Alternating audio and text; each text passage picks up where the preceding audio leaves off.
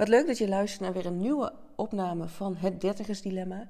Je hoort zo meteen mij in gesprek met Kim Munnekom. Zij is Law of Attraction expert, oftewel expert in de wet van de aantrekkingskracht en business coach en heeft een zeer succesvol bedrijf. Zij is opgevoed met de overtuiging, ja, je moet vooral hoog opgeleid zijn, ehm, een universitaire studie hebben om succesvol in het leven te zijn. En nou ja, daar is ze ook mee begonnen, maar je hoort in haar verhaal zometeen ja, dat ze daar helemaal niet op haar plek zat. En eigenlijk door een opmerking van een collega van het werk wat ze destijds deed, ja, heeft ze een heel ander perspectief gekregen, een heel ander idee over wat ze kon gaan doen. In ieder geval dat het iets was waar ze ontzettend blij van werd, in plaats van ja, iets te doen omdat dat nou eenmaal zo moest of hoorde, of dat dat nou de weg naar ja, succes was. En ja, gaandeweg het verhaal hoor je hoe zij stap voor stap richting heeft gekregen, richting heeft genomen, regie heeft genomen over haar leven om op het punt te komen waar ze nu staat. Ja, en um, haal er vooral veel inspiratie uit dat je gaat doen waar je blij van wordt en wie weet waar jij over een paar jaar staat in het leven. Uh, halverwege hoor je nog even een kleine onderbreking, want Kim die uh, ja, had ook last van haar keel zoals ik dat ook heb. Je hoort mij ook af en toe hoesten en ook nu hoor je dat ik uh, ja, wat, wat lage stem heb. Ik ben erg verkouden. Um, het gesprek gaat gewoon door, want ik heb het eruit geknipt. Maar dan weet je even waar de onderbreking vandaan komt. Ik wens je heel veel luisterplezier en ik kom even bij je terug na afronding van het gesprek. Welkom dat je er wil zijn in uh, de Zoom-meeting. Die we dus ook gaan gebruiken voor, de, in ieder geval voor mijn podcast, het Dertigers Dilemma. Was ja, je er überhaupt mee bekend met het Dertigers Dilemma? Mm. Nee, misschien heb ik de term wel een keer gehoord, maar ik ben er nooit zelf mee bezig geweest. Nee, nee dat is ook iets wat veel meer voorkomt. Mensen maken wel een bepaalde fase in hun leven door dat ze echt, ja, ik noem het altijd een existentiële levensfasecrisis ja. doormaken. En ik, zoals ook de midlife crisis is, nou, ik richt me dan op mensen tussen de 25 en de 39, die ja. Ja, gekozen hebben om een bepaald beroep te gaan doen misschien hun eerste baan hebben, daarin kunnen vastlopen, burn-out raken, board-out raken, nou ja, noem maar op, andere fysieke en mentale klachten kunnen krijgen. Omdat ze ook al op vrij jonge leeftijd de vraag hebben van, ja, is dit het nou, of wat heb ik hier te doen op deze wereld? In ieder geval vastlopen en niet goed weten hoe ze daar uitkomen. En de podcast en waar ik dus voor werk, is eigenlijk om mensen hier sowieso op te attenderen dat dit bestaat. En dus ook nou ja, in dit geval met jou in gesprek gaan. Hè? Want jij hebt ook een bepaalde ja, levensfase meegemaakt dat je een bepaald beroep hebt gekozen. Nou ja, als ik even vast een voorschotje mag nemen, daar vast in vastliep. Uiteindelijk je hart bent gaan volgen en nu op een heel ander level in je leven staat. Ja, dat is natuurlijk heel inspirerend voor mensen. Ja, ja. ja ik snap het. Ja. ja. Ja, ik denk dat voor mij de grootste sprong was om überhaupt uit die red, nou ja, red race, om, om uit het... Um, uh, uit de loondienst de, de, stap te maken. Dat was natuurlijk de eerste grote sprong. En vervolgens kwam daar nog een andere sprong. Maar dat was voor mij een huge ja. ding. Ja. Wat kun je ons even mee terugnemen? Want je bent rechten gaan studeren, volgens ja. mij. Ja. Hoe ben je überhaupt tot die, keuze, tot die keuze gekomen? Is dat iets wat, wat een beslissing van je hart was? Was het vanuit je hoofd? Nee, nee, dit was geen beslissing vanuit mijn hart. Heel eerlijk wist ik ook totaal niet wat ik moest gaan doen. Ik, ik had ergens altijd al het verlangen om iets met psychologie te gaan doen. Um, maar daar zat dan een vak bij, statistiek. En volgens mij moest je ook loten voor die opleiding. Ik was dan de enige die, die uh, naar Nijmegen of naar Tilburg moest gaan. Dat was voor mij dan... Ik vond dat heel eng op 18-jarige leeftijd. Al mijn vriendinnen gingen ergens anders naartoe. Dus ik heb de keuze gemaakt om maar veilig met de meute mee te gaan. Mijn vrienden gingen allemaal, bijna allemaal rechten doen, uh, een groot deel. En toen dacht ik, ja, waarom niet? Daar kan ik vast een... Um, ja. Kan ik alle kanten nog mee op? Vaak een, een goede baan mee Ja, precies. Ja. ja. Dat. Ja. ja, en ik denk na een half, na drie maanden al dacht ik, wat doe ik hier? Verschrikkelijk. Ik ben na een half jaar ook gestopt, na vijf, nou ja, het begon in september het curriculum en ik ben in januari al gestopt. Ja. Dus dat was uh, vrij snel. Toen ben ik een andere studie gaan doen in Nijmegen. Heb ik een jaar volgehouden. Uh, dat was het gewoon ook niet. Ik wist het gewoon niet. Ik zat niet op mijn plek. Ik was niet happy met mezelf. Ik wist niet wat ik moest gaan doen. Het was allemaal een beetje... Maar ik wist vooral ook niet wat ik dan wel wilde. Dat was het vooral. Ja, want had je En toen uiteindelijk- Sorry dat ik je onderbreek, maar had je iets van huis uit meegekregen van hoe je keuzes maakt of hoe je doet waar je blij van wordt bijvoorbeeld? Nee, wat ik met zoveel liefde, want ik wil nooit iets eh, om, om mijn ouders in een negatief daglicht te plaatsen, want dat is het absoluut niet. Maar ik heb met zoveel liefde meegekregen ehm, dat het belangrijk is om jezelf klaar te stomen voor een goede baan. Ja, En onafhankelijk te zijn financieel. En dat was het, daar was alles eigenlijk op gericht. Ik keek ook niet naar HBO-studies. Het moest minimaal universitair zijn. Dus anders was het niet goed genoeg. Zou ik niet het, ja, weet je, het, het, onderste uit, de- uit de kam kunnen halen. Ik, het moest gewoon op het hoogste level zijn. Want dan zouden mijn kansen op een goede baan zo groot mogelijk zijn. En goed is dan eh, financieel goed. Ja, dan moet je, moet je kijken, want je bent dus eigenlijk je hoofd gaan volgen, niet zo goed weten, maar oh ja, ik ga met mijn vrienden mee, want anders kom ik soort van alleen te staan. Hè? Dat is ook iets, zo'n angst van mensen van ja, als ik alleen kom te staan, waardoor ze vaak keuzes maken die, ja, om, om verder van hun hart af te geraken. Nou ja, dat hoor ik ook van jou terug, dat het eigenlijk bij jou is gebeurd. Nog een keer een switch gemaakt. Ook daarin je geluk niet, niet gevonden. En toen dan, want dan loop je een beetje met je ziel onder je arm, kan ik me zo voorstellen. Ja, ja, ja. En wat ik op dat moment niet zozeer door had op het moment is dat ik totaal op alle vlakken niet lekker in mijn vel zat. Ik zat gewoon helemaal vast. Ik wist het allemaal niet. Ik was enorm bezig met de mening van anderen en liet me daar ook heel erg door beïnvloeden. En, en misschien is het ook wel iets wat veel voorkomt op die leeftijd. Wat weet je nu als je 18, 19, 20 bent? Tenminste, nou ja, ik voelde Ja. me nog maar een guppy. Ouders waren net gescheiden toen ik 16 was. Dat eh, had nog steeds een hele eh, flinke impact op mijn leven. Ja. En ja, op dat moment was het, het, het voelde als het juiste om te doen binnen datgene wat ik kende. Ja, En ik voelde al heel snel inderdaad dat het me niet gelukkig maakte. Maar ik wist ook niet wat het dan wel was. Dus ik hobbelde maar lekker verder. ja, en je had op dat moment ook niet iemand waar je daarmee kon sparren of hoe je daar je weg in kon vinden. Eigenlijk een worsteling die je dan zelf aan het doormaken was. Ja. Ja, en ik denk ook iets wat me is meegegeven vanuit vroeger is... Het kan niet altijd leuk zijn. Ah ja, En je moet altijd ook dingen doen die je niet leuk vindt. Dat hoort Ja. erbij. ja, En dat nam ik als waarheid aan. Dus dit hoorde erbij. ja, dus dan is het ook hard werken voor je studie, ook vind je het niet zo leuk, maar toch doorzetten. Ja, ja, dat. Ja. En hoe, hoe zat het met jouw vrienden? Herkenden die, hadden jullie het daar wel eens over? Nee, die vonden het fantastisch. Die zaten helemaal op hun plek. Ik zag ze ook gaan en die begon twee weken van tevoren al met studeren als we tentamens hadden. Ik denk, het was twee dagen van tevoren. En nee, die zaten wel op hun plek. Dus ik voelde me daarin ook, ja, de, ja, de, de, de de ja, precies. Ja. Ik, ik, ik hoorde er niet bij.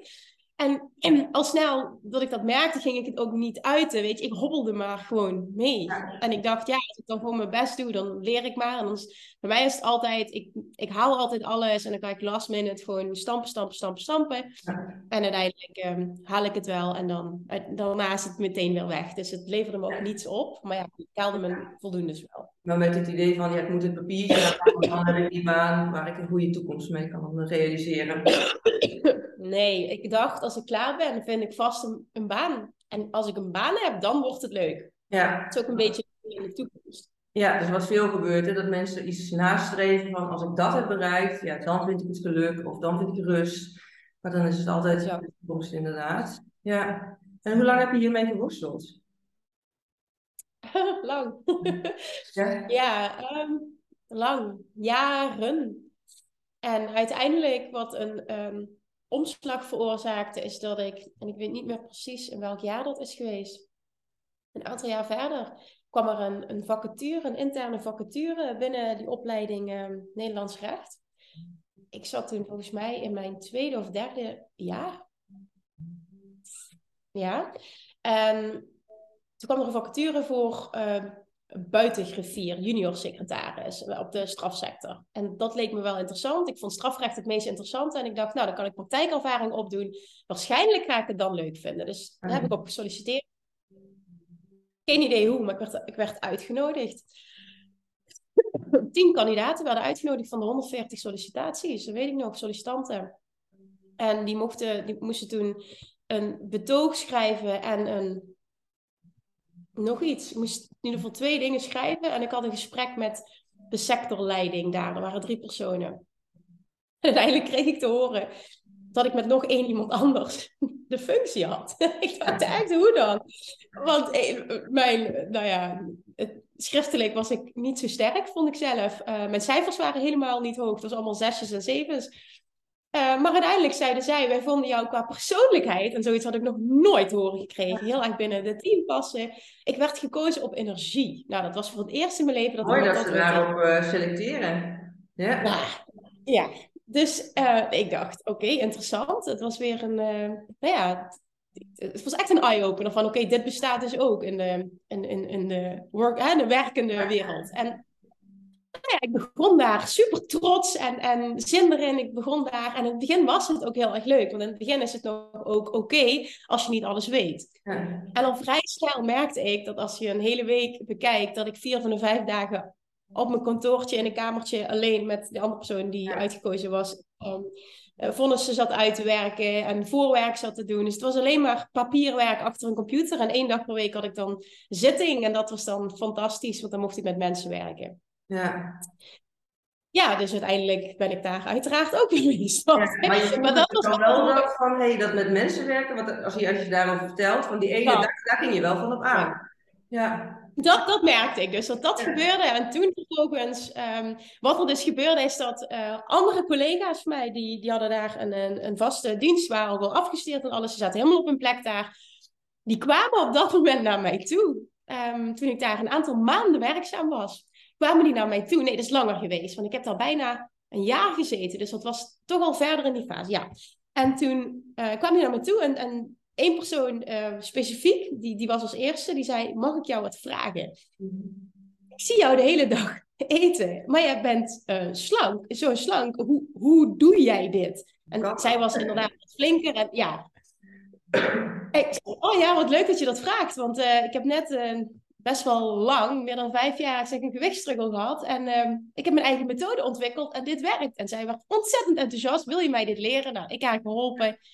Zij ging binnen een paar weken al resultaat boeken. Een andere collega zag dat. Die kwam ook naar mij. Die zegt, wat jij met uh, die en die aan doen bent, uh, wil je mij dat ook leren? Ik denk, hoppa, kom maar. En ze gingen dan, ze volgden er drie. Toen kwam die persoon terug, de eerste. En die zei, Kim, en dat vond ik ook heel mooi. Blijkbaar was het dus wel van mijn gezicht af te lezen. Zij zegt, Kim, Waarom ga je hier niks mee doen? Je bent hier zo goed in. Je straalt helemaal. Kijk eens wat voor resultaten wij boeken. En het is overduidelijk dat jij hier niet gelukkig bent. Ja. En die kwam zo ontzettend binnen. Ik ben toen naar huis gereden. Het was een half uur of drie kwartier rijden naar huis die dag. En het enige wat ik heb gedacht is, waarom niet? Ja, dus eigenlijk is dat een opmerking geweest die voor jou echt een life change is geweest. Het was echt life change. Ja. ja. En dat heeft doen jou aan het denken gezet of doen voelen van, oh ja, wat wil ik dan eigenlijk? Ja, op dat moment nog niet, niet eens. Wat, wat wil ik dan eigenlijk? Maar meer, waarom niet? Ik kon geen reden bedenken buiten angst en onzekerheid. Natuurlijk, logisch, want het is een nieuwe stap. Uh, waarom ik dit niet zou doen? Ik was op dat moment 25. Ik dacht, wat heb ik te verliezen? Ik heb geen relatie, geen kinderen. Um, hè? Ik, ik hoef voor niemand te zorgen. Dus ja waarom probeer ik dit niet gewoon? Ja. Dat heb ik toen. Ja, dus toen ben je weggegaan bij die baan? ja, binnen twee weken. Oh ja, dus dat was ook echt wel een rigoureuze stap, zeg maar. Uh... Ja, ik was inderdaad, ik realiseerde me dat ik daar echt niet gelukkig was. Ik ging zelfs met buikpijn de laatste tijd, elke ochtend daar naartoe. Ja. Ik wist gewoon, er moet iets veranderen en ik dacht alleen maar, waarom niet? Ja. Toen heb ik inderdaad de beslissing genomen om te stoppen. Ja. Het was ook mogelijk om zo snel te stoppen. En uh, ja, een andere kant op te gaan, die niet meteen geld opleverde, uiteraard. Dus daar was nog een tussenstap voor nodig, maar het was vooral die keuze, die beslissing en het doen, was het allerbelangrijkste. Ja, en dat is vaak hè, wat ik ook wel hoor van mensen, dat ze eigenlijk al voelen van dit is niet mijn weg, bij een bepaalde studie misschien al, of toch misschien met werk. En dat ze dan toch doorgaan, ook al gaan ze met buikpijn naar het werk, omdat ze denken, ja, maar ik weet niet wat ik anders moet. Of en dat ze echt daarin iemand nodig hebben, in dit geval jij, een collega die jou op een ander spoor brengt, om je daar heel bewust van te worden van, oh ja, waarom niet in dit geval bij jou? Ja. Ik had daar nooit over nagedacht. Misschien moet ik daar iets Nee. Nooit. Nee. nee. ook niet met andere mensen over gehad. Of, of die zeiden, Nee. nee. je niet gelukkig. Of... nee, die gesprekken die had ik nooit. Nee. Nee. Nee. En toen, wat dan ben je dus weggegaan daar? Wat ben je toen gaan doen? Toen eh, moest ik, eh, ik moest wel zorgen, want ik moest huur betalen. Dus eh, ik, ik moest zorgen dat, dat, er, dat er inkomsten waren. Dus wat ik toen ben gaan doen, is op dat moment eh, ben ik gaan werken als verkoopmedewerker bij de kledingzaak Veromoda. Ja. Eh, daar kende ik de bedrijfsleider, ze had me al een paar keer gevraagd. of de store manager, ze had me al een paar keer gevraagd: wil je niet komen werken? En iedere keer nee gezegd. En toen dacht ik: ik loop daar naartoe, want nu denk ik dat het een mooie, een mooie opportunity is. Dus eh, dat kon. Dus ik ben daar begonnen. En daarnaast ben ik eh, drie uurtjes per week. Op dat moment werd ik gevraagd om tennisles te geven. Dat heb ik toen gedaan. En daarnaast ben ik gestart met een opleiding tot voedingsdeskundige. Ja. En ik, ik durf niet precies te zeggen wanneer, welk jaar, welke maand dat dat allemaal is geweest. Maar ik weet wel dat binnen een half jaar ehm, ben ik toen mijn eigen praktijk gestart. Ja. Omdat er een krantartikel, er kwam een artikel in de krant, nieuw gezondheidscentrum wordt geopend in Roermond, was de plek waar ik woonde. Mijn vader had het uitgescheurd. Die, eh, die, die, ehm, nou ja, die vond het allemaal maar spannend, de keuzes die ik had gemaakt. Ja. Ik werd niet echt met open armen ontvangen, logisch ook. En toen zei hij, kijk, is dit niet wat voor jou? En toen heb ik gebeld, mocht ik daar op gesprek komen. Heb ik me daar een beetje doorheen gebluft. En toen eh, kon ik daar een ruimte huren. Toen heb ik een huurcontract getekend voor twee jaar. Ja. Vraag me niet waar ik het vertrouwen vandaan heb gehaald. Maar ik heb een huurcontract getekend toen van twee jaar. En een half jaar later ehm, een praktijkruimte ingericht. Website gefixt Ja. en eh, gestart. En toen ben je dus met mensen gaan werken. Iets waar je van aanging, zeg maar. Waar je blij van werd. Wat je leuk vond. Ja. Maar ik merkte ook al zelfs als verkoopster, ook al was ik dan niet op mijn plek, maar ehm, eh, bij die paskamers, dan mocht ik altijd staan, want ik was het beste met mensen. Dus mensen daar helpen, adviseren. Ik merkte gewoon, oké, dit is het gewoon. En ja. in, in welke vorm, ja, dat, dat Ja, heeft eigenlijk is dat je weg in te vinden, maar eh, dat is ook gaandeweg. Mijn persoonlijke beleving of overtuiging is ook wel op het moment dat je een eerste stap zet, dan komen de vervolgstappen ook wel. Maar je hebt ergens te beginnen, want ja, je weet het niet gelijk. Ja. Dus ja. Dus toen heb ik eigen praktijk gestart en dus ook om dat te kunnen realiseren, zei je wel van, ja, ik heb gewoon mijn huur te betalen, dus ik kies er ook voor om een baan in loondienst, weliswaar een andere baan, maar wel iets erbij te doen en een tennisles, om dan Ja. wel daarin je, eigenlijk je hart te kunnen volgen. Ja, Ja. al vrij snel ben ik meer uren tennisles gaan geven, want dat kon ik van eh, drie, vier uur 's middags tot elf uur 's avonds doen. En overdag bouwde ik dan mijn praktijk op. Ja. En hoe stonden je ouders hierin? Want je zei al, ze vonden het heel spannend. Nam je ze een beetje mee in het proces? Of waren zij juist heel erg behoudend naar jou toe? Ehm, nee, jawel. Ik, ik heb een hele goede band met mijn ouders. En ik deelde dat ook allemaal. Maar ik, ik vergeet nooit meer wat, wat mijn vader zei toen ik, eh, toen ik zei... Ik stop bij de rechtbank en ik wil eh, als voedingsdeskundige gaan werken. Die zei... Is dat niet een beetje onder je niveau? Dat is het eerste wat hij zei. Want ja, dat is natuurlijk al die tijd wat ik ook mee had gekregen. Zo hoog mogelijk. En vervolgens, er zit een voedingsdeskundige op elke hoek van de straat. Hoe denk je dit succesvol te maken? Ja, En ik snapte ook waar het vandaan kwam, maar het was totaal niet fijn om te horen natuurlijk. Want ik had inderdaad geen idee wat ik aan het doen was of hoe dat, dat moest. Eh, Ik had geen ondernemers in mijn familie, geen ondernemende vrienden, dus ik wist totaal niet wat ik aan het doen was. Maar het leek me wel leuker dan wat ik bij die Ja. rechtbank aan het doen was. Dus dat dreef me continu, dat verlangen. En ergens dus ook het vertrouwen, ik kan wat. En dat was misschien wel nergens op gebaseerd. Want ook dat huurcontract tekenen achteraf. Ik denk nu, hoe heb je dat kunnen doen, Kim? Zonder klanten, zonder know-how van het ondernemerschap. het voelde als een sterk eh, verlangen sowieso, maar ook het vertrouwen dus dat het zou gaan lukken. Dat je die stappen Ja. zou zetten. Ja, Blijkbaar. Ja. ja. En dat heb je Ik ben blij dat ik dat gedaan heb, uiteraard. Maar Ja. Ja, maar dat is het lastige. Hè? Vooraf weet je natuurlijk nooit of iets gaat. Niemand heeft een glazen bol. Of iets gaat lukken of niet. Maar het gaat er wel om. Lukt het om ja, eigenlijk buiten je comfortzone te gaan. Om datgene te gaan doen. Om te kijken of het een kans van slagen heeft. Hè? Want als je het niet doet, weet je sowieso dat het niet gelukt is. dat. En ik geloof er ook heel erg in dat heel veel mensen ook gedreven worden, gemotiveerd worden door het, het willen wegbewegen van pijn. En dat was in mijn geval ook zo.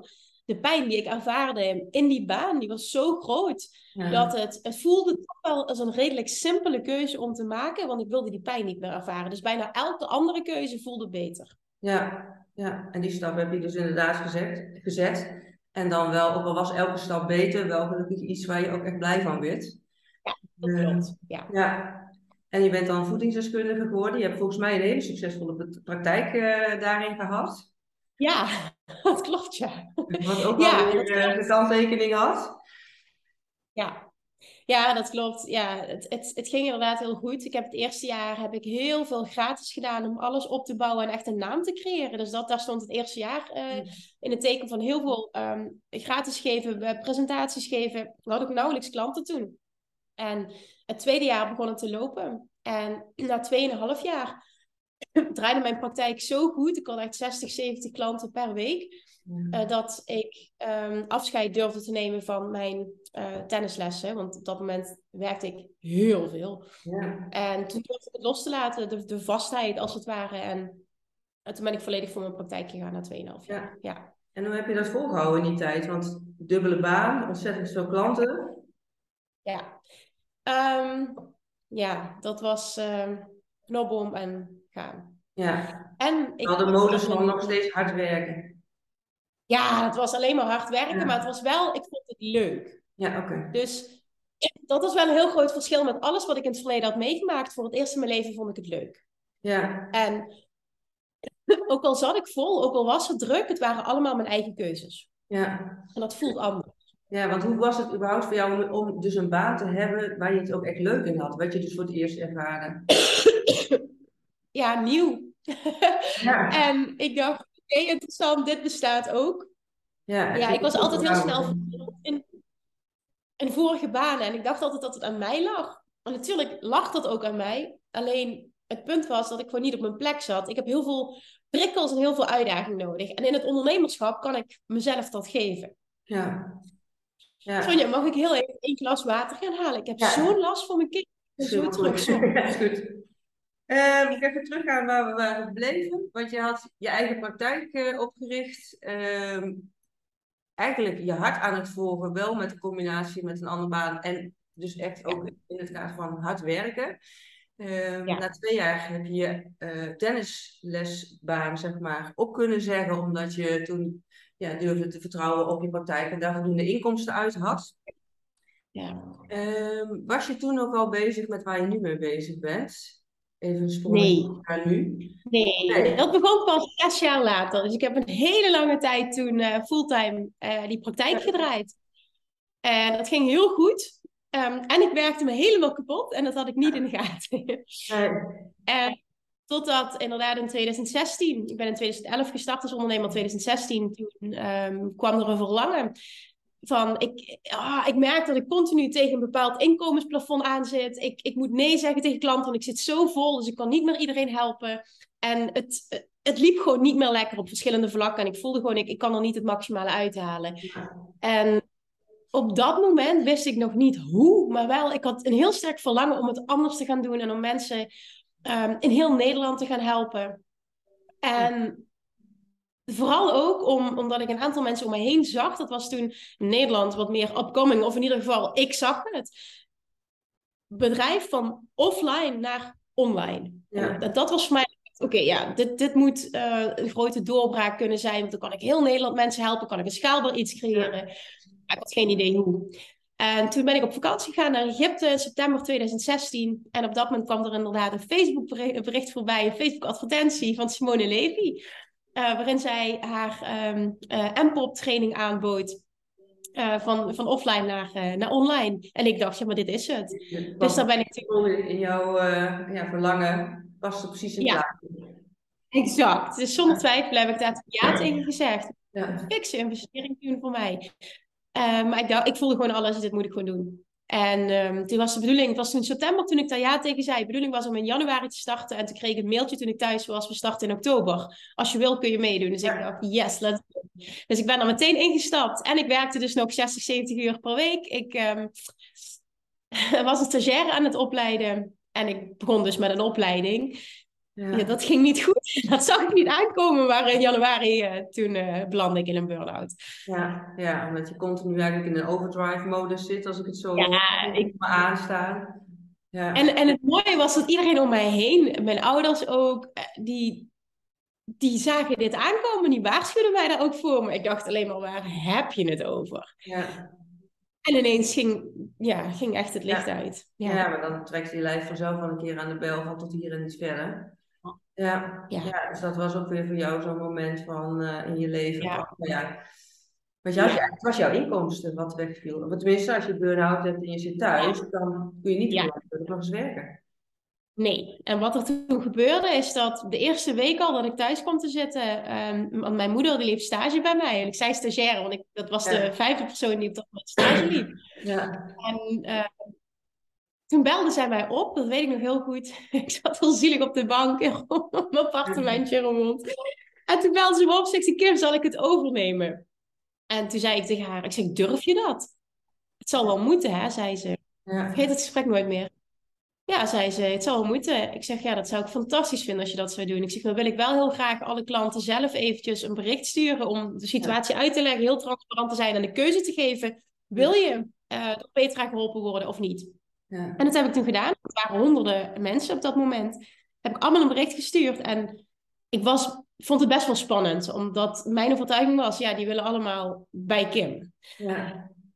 Maar er werd ongelooflijk veel begrip getoond. En van al die mensen was er slechts één die negatief reageerde. Slechts één. Ja, nou, En dat was fantastisch. ja. Ja, ik heb bijna iedereen toegedragen toen eh, naar mijn moeder. En zij is toen gaan begeleiden. En dat maakte dat ik letterlijk in één klap volledig me vrij voelde. Ja. En opnieuw kon. Ruimte voor jezelf. En mezelf de vraag kon stellen, oké, en wat wil ik dan nu? Hoe gaan we dit nu anders doen? Ja, want ik kan me voorstellen dat je daarvoor helemaal geen tijd voor had om daar überhaupt bij stil te staan. hè? Ik wist wel, ik ben bezig met een andere realiteit creëren. Maar ik had ook niet in de gaten dat ik dat nooit had kunnen realiseren met zoveel uur werken, een opleiding volgen, stagiair opleiden. Er was geen ruimte om iets nieuws te doen, Nee. maar ook dat zag ik. Nee, dan trekt je lijf of het universum, hoe je het maar wil zeggen, die geeft dan vanzelf wel een keer een signaal van tot hier en niet verder. Waardoor Ja. je wel moet op een andere, op een ander Ja. komen. Ja, En daar ben ik heel dankbaar voor, want dat heeft wel gemaakt dat ik in één klap vrij was. Zo voelde het. En dat waren keuzes die ik zelf niet had durven maken, zo rigoureus. nee, Dus en dat, wist- dat was wel wat er moest gebeuren, en dat wist ik, maar ik durfde het niet, omdat ik bang was dat ik dan in één klap al mijn inkomsten kwijt was. En ehm, ook niet het vertrouwen had dat ik dat online, dat ik meteen wist wat ik moest doen, dat ik meteen daar een publiek voor had en ja, dat ik meteen dus klanten had en inkomsten had. Dat vertrouwen had ik niet. En Nou, waar je eerder wat wel ik toen ben vertrouwen voelde, Kim, waar je eerder wel dat vertrouwen Ja. voelde toen je wegging bij eh, de rivierfunctie en eh, die praktijk in één keer, eh, ja, zeg maar voor twee jaar het contract nou. Ja, maar het punt was, het punt was wel dat ik toen ehm, ehm, inkomsten had. E- Elders, zeg maar. Ik had toen een baan daarnaast. En op dit moment had ik geen baan meer. Ik kon natuurlijk weer gaan zoeken. Dat wist ik ook wel, die ga ik vinden. Maar dat voelde dan weer niet zo fijn, omdat ik net ondernemer was. En dat ging Ja. goed. Dus dat was meer, ja, dat ik dacht van oké, ik, wil, ik wil een soort van vangnet hebben nog. Ik wil dat voelen. Voor ik zo rigoureus die keuze maak. Eh, Totdat inderdaad letterlijk mijn lijf ingreep en zei: Dit gaat zo niet langer, we stoppen nu. Ja. En dat was goed. Ja, want toen kreeg je ook bij de vraag voor jezelf van, ja, maar wat wil ik dan echt zelf weer? Wat is dan de volgende stap? Hoe ben je daar voor jezelf tot antwoorden gekomen? Nou, ik wist wat ik wilde. Alleen ik wist niet hoe. En vooral ook, nou ja, hoe is ook niet helemaal waar, want ik was met die opleiding begonnen en daar leerde ik veel. Ehm, ik maakte wel al vrij snel dat het, dat het voor mij, ehm, wat, alles wat ik deed, dat, dat, het was een te grote switch naar wat ik leerde. En het was voor mij op dat moment veel te technisch. Dus ik weet ook dat ik, ik denk na twee weken al gestopt ben met het eh, tot me nemen van die stof. Maar er zat ook een live component- component in, eh, dat traject. En ik ging elke maand ging ik naar, ehm, eh, naar die bijeenkomst. En dat was fantastisch, want ik leerde daar een wereld kennen die ik niet kende. Van allemaal ondernemers die online actief waren, die allemaal dingen deden die me inspireerden. En we hadden een Business Buddies eh, groepje waar ik aan was gekoppeld, wat super tof was, die me aanmoedigde. En dat maakte dat ik dingen ging zien en daardoor ook nou ja, ideeën kreeg voor mezelf. Hoe, hoe zou dat kunnen? En ik kreeg wel een idee en ik wilde het vooral heel simpel houden. En toen dacht ik, oké, hoe kan ik op een simpele manier datgene wat ik nu één op één jaren gedaan heb en heel goed kan, hoe kan ik dit schaalbaar maken en dus heel veel mensen gaan helpen? En toen ben ik, ik heb wel, dat is wel een belangrijke denk om te benoemen, ik heb eh, vanaf het moment van die burn-out en ook de periode al daarvoor, heb ik mijn reis op dat moment op Facebook heel intensief gedeeld. Heel open en eerlijk, alles wat er speelde. Ook keuzes die ik maakte vanuit praktijk, verlangen dat ik had. En ehm, dat maakte, dat vond ik ook super interessant. Het was de eerste keer dat ik zag wat social media kon doen. Dat maakte dus dat ik iets nieuws lanceerde. Dat was een um, online community, gewoon via Facebook. Dus verder helemaal niet ingewikkeld, voor 27 euro per maand. En dat ik daar meteen 42 aanmeldingen voor had. Oh, en dat was voornamelijk omdat ik zo openlijk mijn reis had gedeeld. Een aantal oud klanten ook, maar ook een aantal mensen zeiden: Ik vind het zo inspirerend hoe je alles hebt gedeeld en waar je nu staat en hoe snel je keuzes maakt. Alleen daarom al wil ik hierbij. Ja. En toen had ik 42 klanten om meteen mee te starten. Als het... En gelijk je online business. Ja, exact. Ja. Exact. En dat was, ik dacht: Wow, oké, dit is. Ik kan gewoon vanuit huis kan ik nu dingen doen. En nog meer mensen bereiken dan één ja. of uh, in ieder geval in live. Ja. Ja. ja, dat was het. Ja. ja. En dus ook weer, en wat ik trouwens ook nog even wilde zeggen, want je was niet uit een ondernemersfamilie. En bij die live dagen van Simone Levy was je dus wel omringd met ja, meer like-minded people, mensen ja. Uh, ja, op een ander niveau of ja, een ander level zeg maar, konden bijstaan, konden inspireren. Uh, ja, inderdaad. En ook dat ik, dat ik feedback vroeg. En, en je, het is een nieuwe wereld en ik vond het gewoon fijn om de bevestiging te krijgen. Zou ik doen? Is het idee, dat. Ja. En dat gebeurde. En ik merkte dat ik dat heel fijn vond, ja. Ja, en toen ontstond dus jouw online business. Ja, inderdaad. En toen, uh, ik, heb altijd al het, ik had altijd al het verlangen, want dat was voor mij ultieme vrijheid, dat ik mijn laptop zou pakken en dat ik ergens naartoe zou reizen alleen. Um, en voor een aantal maanden en daar gaan wonen en werken. Dat verlangen heb ik altijd gehad. Dat was voor mij ultieme vrijheid. Ja. En dat heb ik dit jaar gedaan. Ik ben later uh, dat jaar ben ik toen uh, naar Bali vertrokken voor een aantal maanden. Ja. En op dat moment heb ik toen echt gevoeld... Wow, als ik terugkijk naar alle nou ja, shit die ik heb ervaren en het niet weten. Ik zit zo op mijn plek nu. Ik was ja. zo gelukkig. Ja. ja, dit was gewoon het ultieme. Ja, en dan moet je nagaan, als je helemaal teruggaat in jouw studiekeuze, dat er geadviseerd werd, neem een baan met een universitaire opleiding, omdat je dan een goede toekomst voor jezelf hebt. Nou, daar liep je in vast. Je gaat stap voor stap eigenlijk de weg van je hart volgen. En als je dan kijkt naar waar je nu staat, ja, over goede baan gesproken.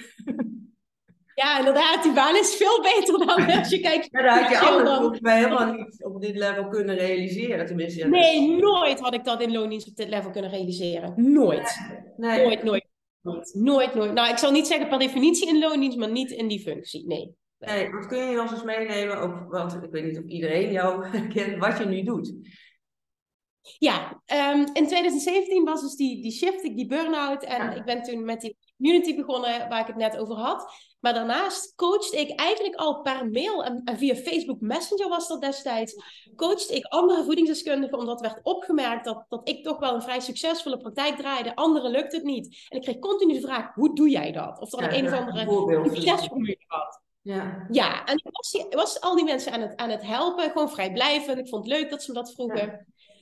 Ik heb toen, ik heb die situatie gedeeld toen. En dat weet ik nog tijdens zo'n live dag uh, van Simone Levy. En toen werd daar toen gezegd door een van die coaches daar.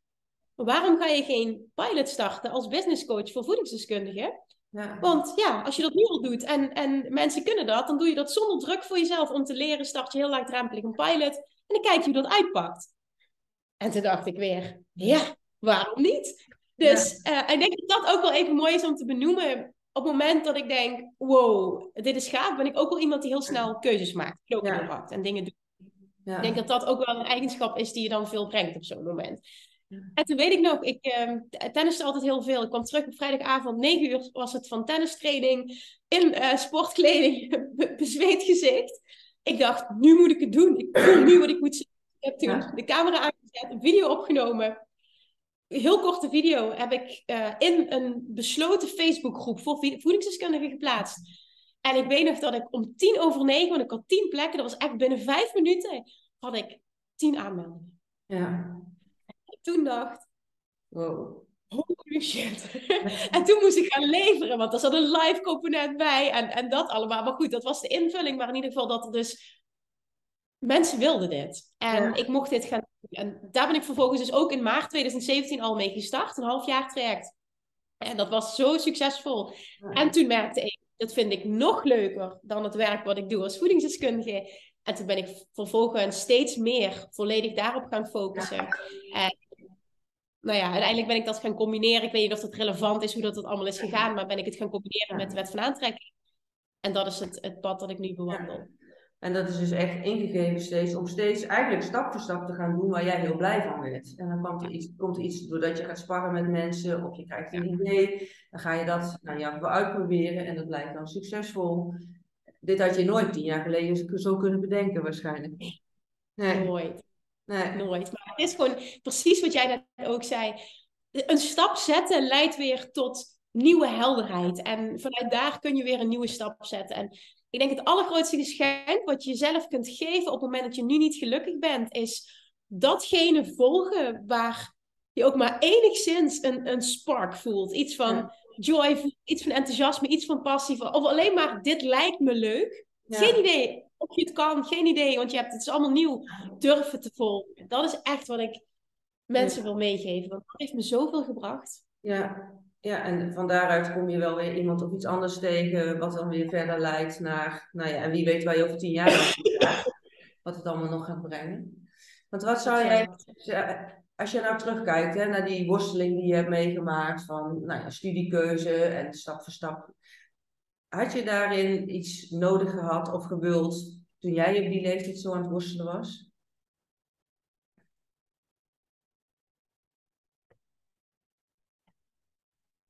Denk achteraf dat ik het fijn had gevonden. Ik weet niet of het iets veranderd had, maar dat ik het fijn had gevonden als ik iemand had gehad die tegen mij had gezegd dat het allerbelangrijkste is dat ik doe waar ik gelukkig van word. En dat ik er ook mag vertrouwen dat als ik dat pad volg, dat het financiële stuk vanzelf volgt. Ja, ja, dus in plaats van de overtuiging van hard werken en... Uh, ja, en vooral dat het in eerste instantie gaat de baan vinden die het meeste oplevert financieel.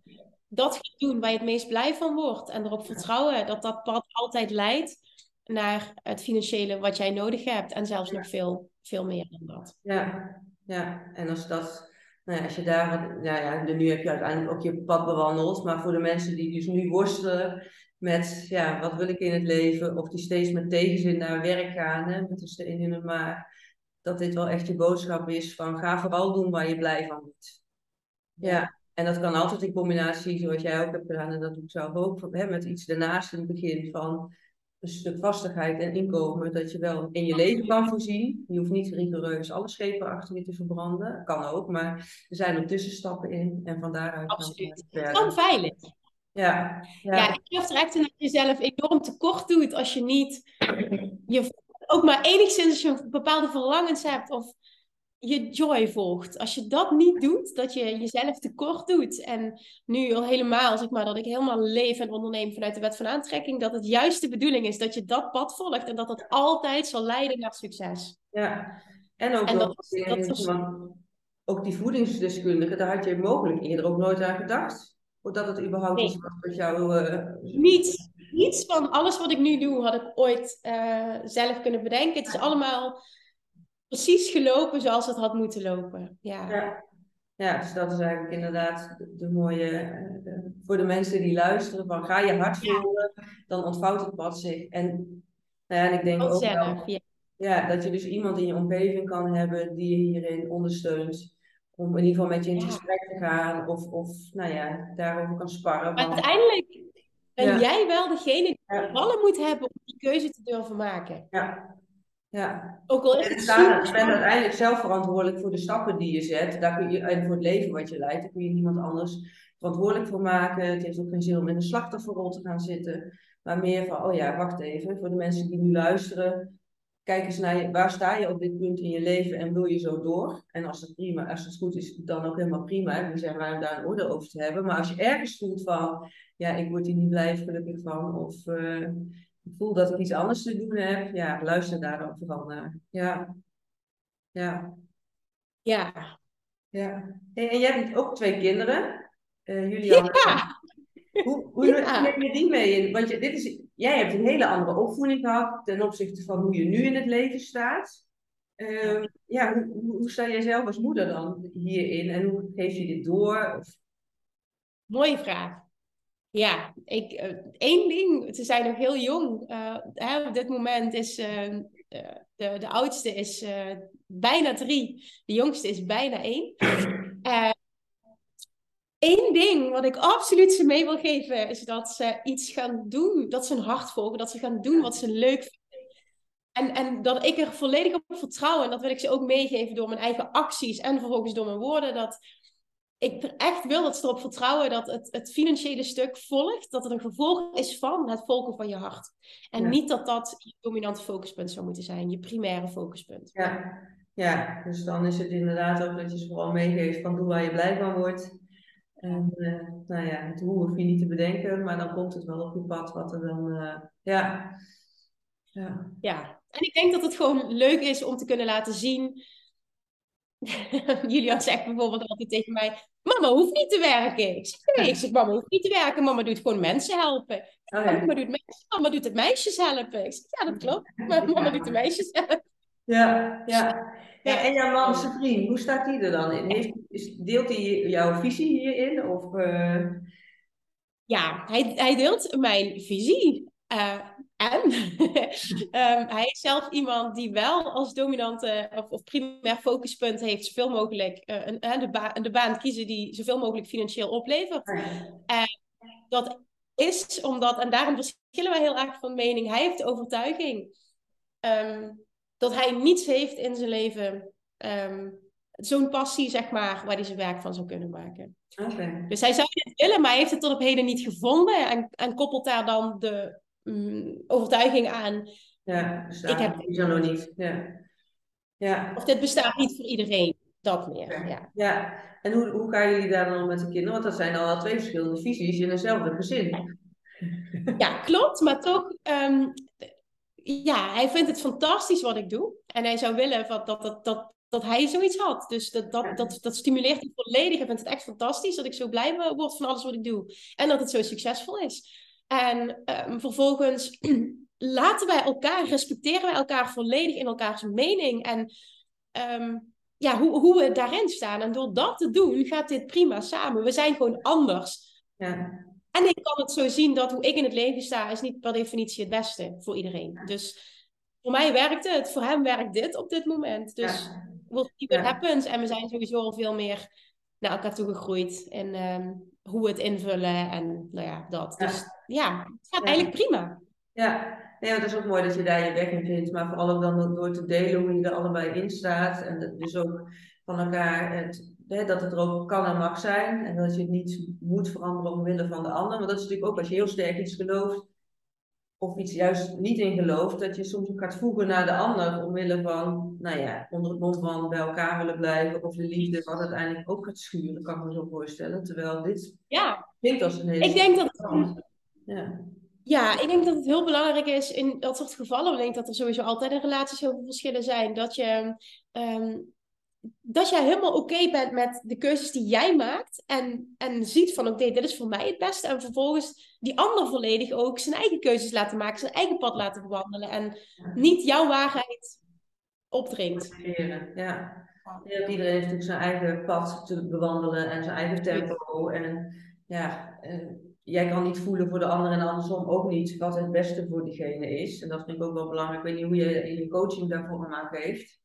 Want dat is natuurlijk, iedereen heeft zijn eigen pad te bewandelen. En misschien dat je als coach soms al ziet van, hé, hey, dit zou best wel voor jou kunnen werken. Maar ja, het is ook de ontdekking van die ander. Hoe kan jij dat doen? Absoluut. Ja, uh, dat is uh, mooi dat je dat zegt. Dat is inderdaad iets wat vaker voorkomt. Dan uh, kan ik inderdaad zien welke keuzes dat misschien het beste zouden zijn. of wat is dan het beste? Ik doe ook even bewuste zaakjes. Um, en dan een paar maanden later ontvang dat iemand exact dat heeft gedaan. Ja. Wat ik wist of waar we het over hebben gehad, maar het was niet het moment op dat moment. En iemand moet zijn eigen pad bewandelen op zijn eigen tijd. En dan ben je er ook echt klaar voor. Dus dat is volledig uh, oké. Okay. En, en iemand dan inderdaad vooral ook zijn pad laten bewandelen. Ja, ja. sommige mensen hebben het ook gewoon nodig om nou ja, dingen uit te proberen en te gaan ervaren waar uh, hun, ja, hun hart sneller van gaat kloppen.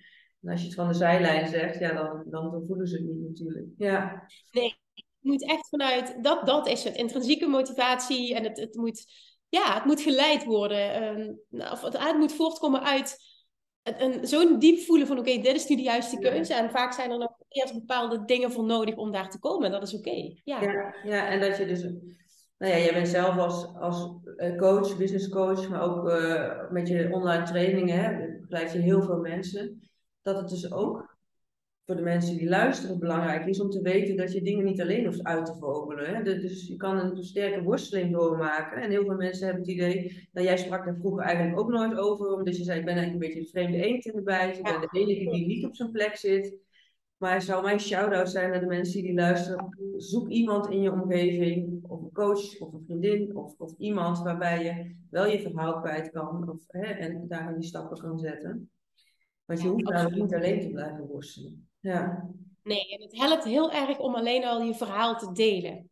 Ja. Om het, door het, hè, te kunnen ventileren helpt vaak heel erg. En ik denk dat er altijd wel iemand is die naar je kan luisteren en die ook zonder oordeel luistert. Dat is heel belangrijk. Ja. ja, want anders krijg je weer al die goed bedoelde adviezen. Die zijn altijd naar de, de mening en de normen en waarden van de ander. Maar het gaat erom, wat gaat het voor jou... Uh, ja, en ik denk dat dat wel een valkuil is als je merkt dat je heel erg snel beïnvloed wordt door de mening van een ander.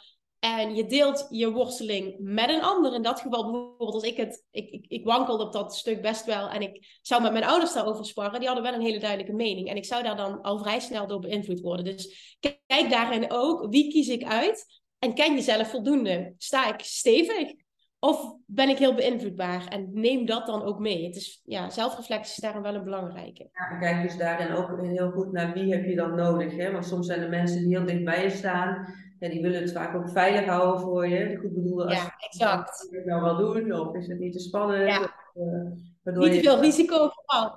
Ja, ja, terwijl als jij daar te veel over na had gedacht en je had uh, die, die praktijkruimte niet gehuurd, dan was je ook niet in de modus om echt volledig voor te gaan. Exact. Ja. Dan had ik Kijk, uiteindelijk geloof ik erin dat, dat dit, ja, ik, ik denk dat ik uiteindelijk toch wel ondernemer was geworden. Maar dan was het pad wel anders gelopen. En ik ben heel blij met hoe alles is gegaan. Ja, ja en dat zijn natuurlijk de lessen die je, soms is het niet leuk of zelfs pijnlijk. Maar uiteindelijk zit overal ook wel weer de les in. Want als jij die burn-out niet had gehad, was je ook niet, wellicht niet, nee, in ieder geval niet toen veranderd. Nee, nee absoluut niet. En het was heel fijn dat ik toen ben veranderd, want het was nodig. Ja, leven echt verrijkt om door ondernemer te worden. Daarom zei, daarom zei ik ook absoluut niet, dit is voor iedereen uh, de holy grail. Maar voor mij was het wel precies wat ik nodig had. En voor het eerst in mijn leven te ervaren, werken kan ook leuk zijn. En uh, ook al zat ik eh, vast, zeg maar, klanten bepaalden mijn agenda, toch voelde dat nooit helemaal zo. Omdat ik nog steeds het gevoel had, ik ben ondernemer, ik maak die keuzes. Ik heb die vrijheid, ik heb geen baas die in mijn nek zit. ik doe waar ik blij van word exact, ja. Ja, ja. Ik zit ondertussen ook naar de tijd te kijken, want we hadden afgesproken tot, uh, tot 11 uur door te gaan, omdat je ook weer een, uh, een afspraak hebt. Uh, dus we hebben even je reis doorgenomen, maar hè, ook de worstelingen die je hebt gehad. Nogmaals de boodschap dat als je echt je hart volgt en de regie ook over je leven neemt, hè, dus niet maar doorgaat met de dingen terwijl je niet blij van wordt, maar ook de keuzes durft te maken om het anders te gaan doen. Ja, dat, dat, ik zeg altijd, niet de wereld ligt daar in je voeten, maar het kwantumveld. Ja, ja mooi. In het, uh, in het kader van de Law of Attraction hebt. Ja, je weet waar je over tien jaar weer staat. En ook de mensen die nu luisteren van, zet die eerste stap. Dat. Uh, en zie je het ook als een experiment. En dat vind ik ook zo mooi vanuit de wet van aantrekking. Dat ons doel, wordt gezegd, wordt geteacht, ons doel hier op aarde is joyful expansion. Vreugdevolle groei. Um, En als je dat zo kan zien, je kan dat als waarheid aannemen. Ik ben hier om om te ontdekken, om te groeien, om dingen te doen um, waar, hè, waar, ik, waar ik passie voor voel, dan durf een vonkje, durf ook maar iets, durf dat te volgen, want gegarandeerd dat het je gaat leiden naar iets, naar iets moois. Ja, ja. Dankjewel Kim voor het uh, delen van je verhaal. Ik zal uh, in de show notes ook uh, jouw contactgegevens zetten van je website en van je Instagram account. Ik weet niet of je ook nog op andere manieren te vinden bent die ik erin kan vernoemen. Nou ja, ik denk dat het, als mensen meer willen leren, ook over die switch, ik heb er wel veel over, is misschien mijn podcast um, interessant om te benoemen. Ja, ik heb me ook een podcast. Ja, en uh, nou ja, inderdaad nogmaals bedankt. En uh, ik zal jou ook de video toesturen. Uh, Dankjewel.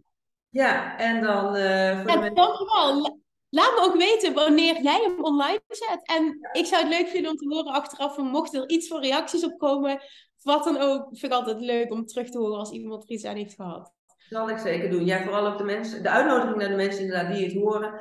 Uh, maak, als je een, een podcast luistert of tag ons op Instagram om je verhaal te delen. Want ik denk dat het ook heel belangrijk is van wat je hier uithaalt um, en of wat, welke stappen je hieraan verbindt. Dat het ook weer helpt om dat te delen om zo het bereik ook weer steeds groter te maken. Zodat ook andere mensen dit mogen horen en nou ja, uiteindelijk die stap kunnen zetten. Ja. ja. want hoe meer mensen hier bewust van worden, ik denk dat dat erg belangrijk is. Namelijk op het moment dat je er bewust van bent, dan kun je een keuze maken. En anders overkomt het leven je. En je kan echt de regie nemen om het zelf te. Ja, dat is mooi dat je dat benoemt. Dat. Dat je de regie gaat nemen over je leven in plaats van dat je het idee hebt continu het, het leven overkomen en ik weet niet um, wat mijn pad is in deze wereld. Nee, nee, en dat heb je, nou ja, dat is iets wat je uh, stap voor stap te doorlopen hebt, maar dat ontvouwt zich. Alleen ja, je moet wel in beweging komen. Dan, uh, ja. ja. Oké, okay, nou ik hou je op de hoogte, Kim, van uh, de ontwikkeling Dankjewel. van de podcast. En nou ja, we houden via Instagram wel contact. Dankjewel, heel erg leuk. Dankjewel nogmaals voor de uitnodiging. Dankjewel. Hey, doei doei. Ja. Wat leuk dat je helemaal tot het einde geluisterd hebt. Um, ja, zoals Kim en ik al zeiden, laat ons vooral weten via social media hoe je deze aflevering ervaren hebt, wat je eruit meeneemt. En maak een screenshot van de podcastaflevering. Deel deze ook op social media, zodat ja, meer mensen deze horen en zich ook kunnen laten inspireren. In de show notes zet ik alle gegevens waar je Kim kan vinden en ook haar podcast. En ben je nou geïnspireerd door Kims verhaal en ben je er ook helemaal klaar mee om met buikpijn naar je werk te gaan, maar vind je het spannend om die eerste stap te zetten? Of krijg je allemaal goed bedoelde adviezen van anderen waardoor je eigenlijk gaat twijfelen en niet in actie komt? Nou, ik help jou door die eerste stap heen. Stuur me een DM via Instagram of mail me naar info.sbkl.nl zodat we een boost sessie kunnen inplannen. Dan heb jij na een uur drie concrete tools helemaal op maat voor jou waar je direct mee aan de slag kan. En in plaats van met buikpijn naar je werk te gaan, ga jij met een dikke vette glimlach die stap zetten die bij jou past. Er zijn acht plekken beschikbaar. Ze zijn nu slechts 77 euro, dus ja, wacht niet te lang om je plek te claimen. Ik zie graag je berichtje tegemoet. Ja, ik wens je een hele fijne dag en een heel mooi leven toe. En ik spreek je graag in de volgende aflevering.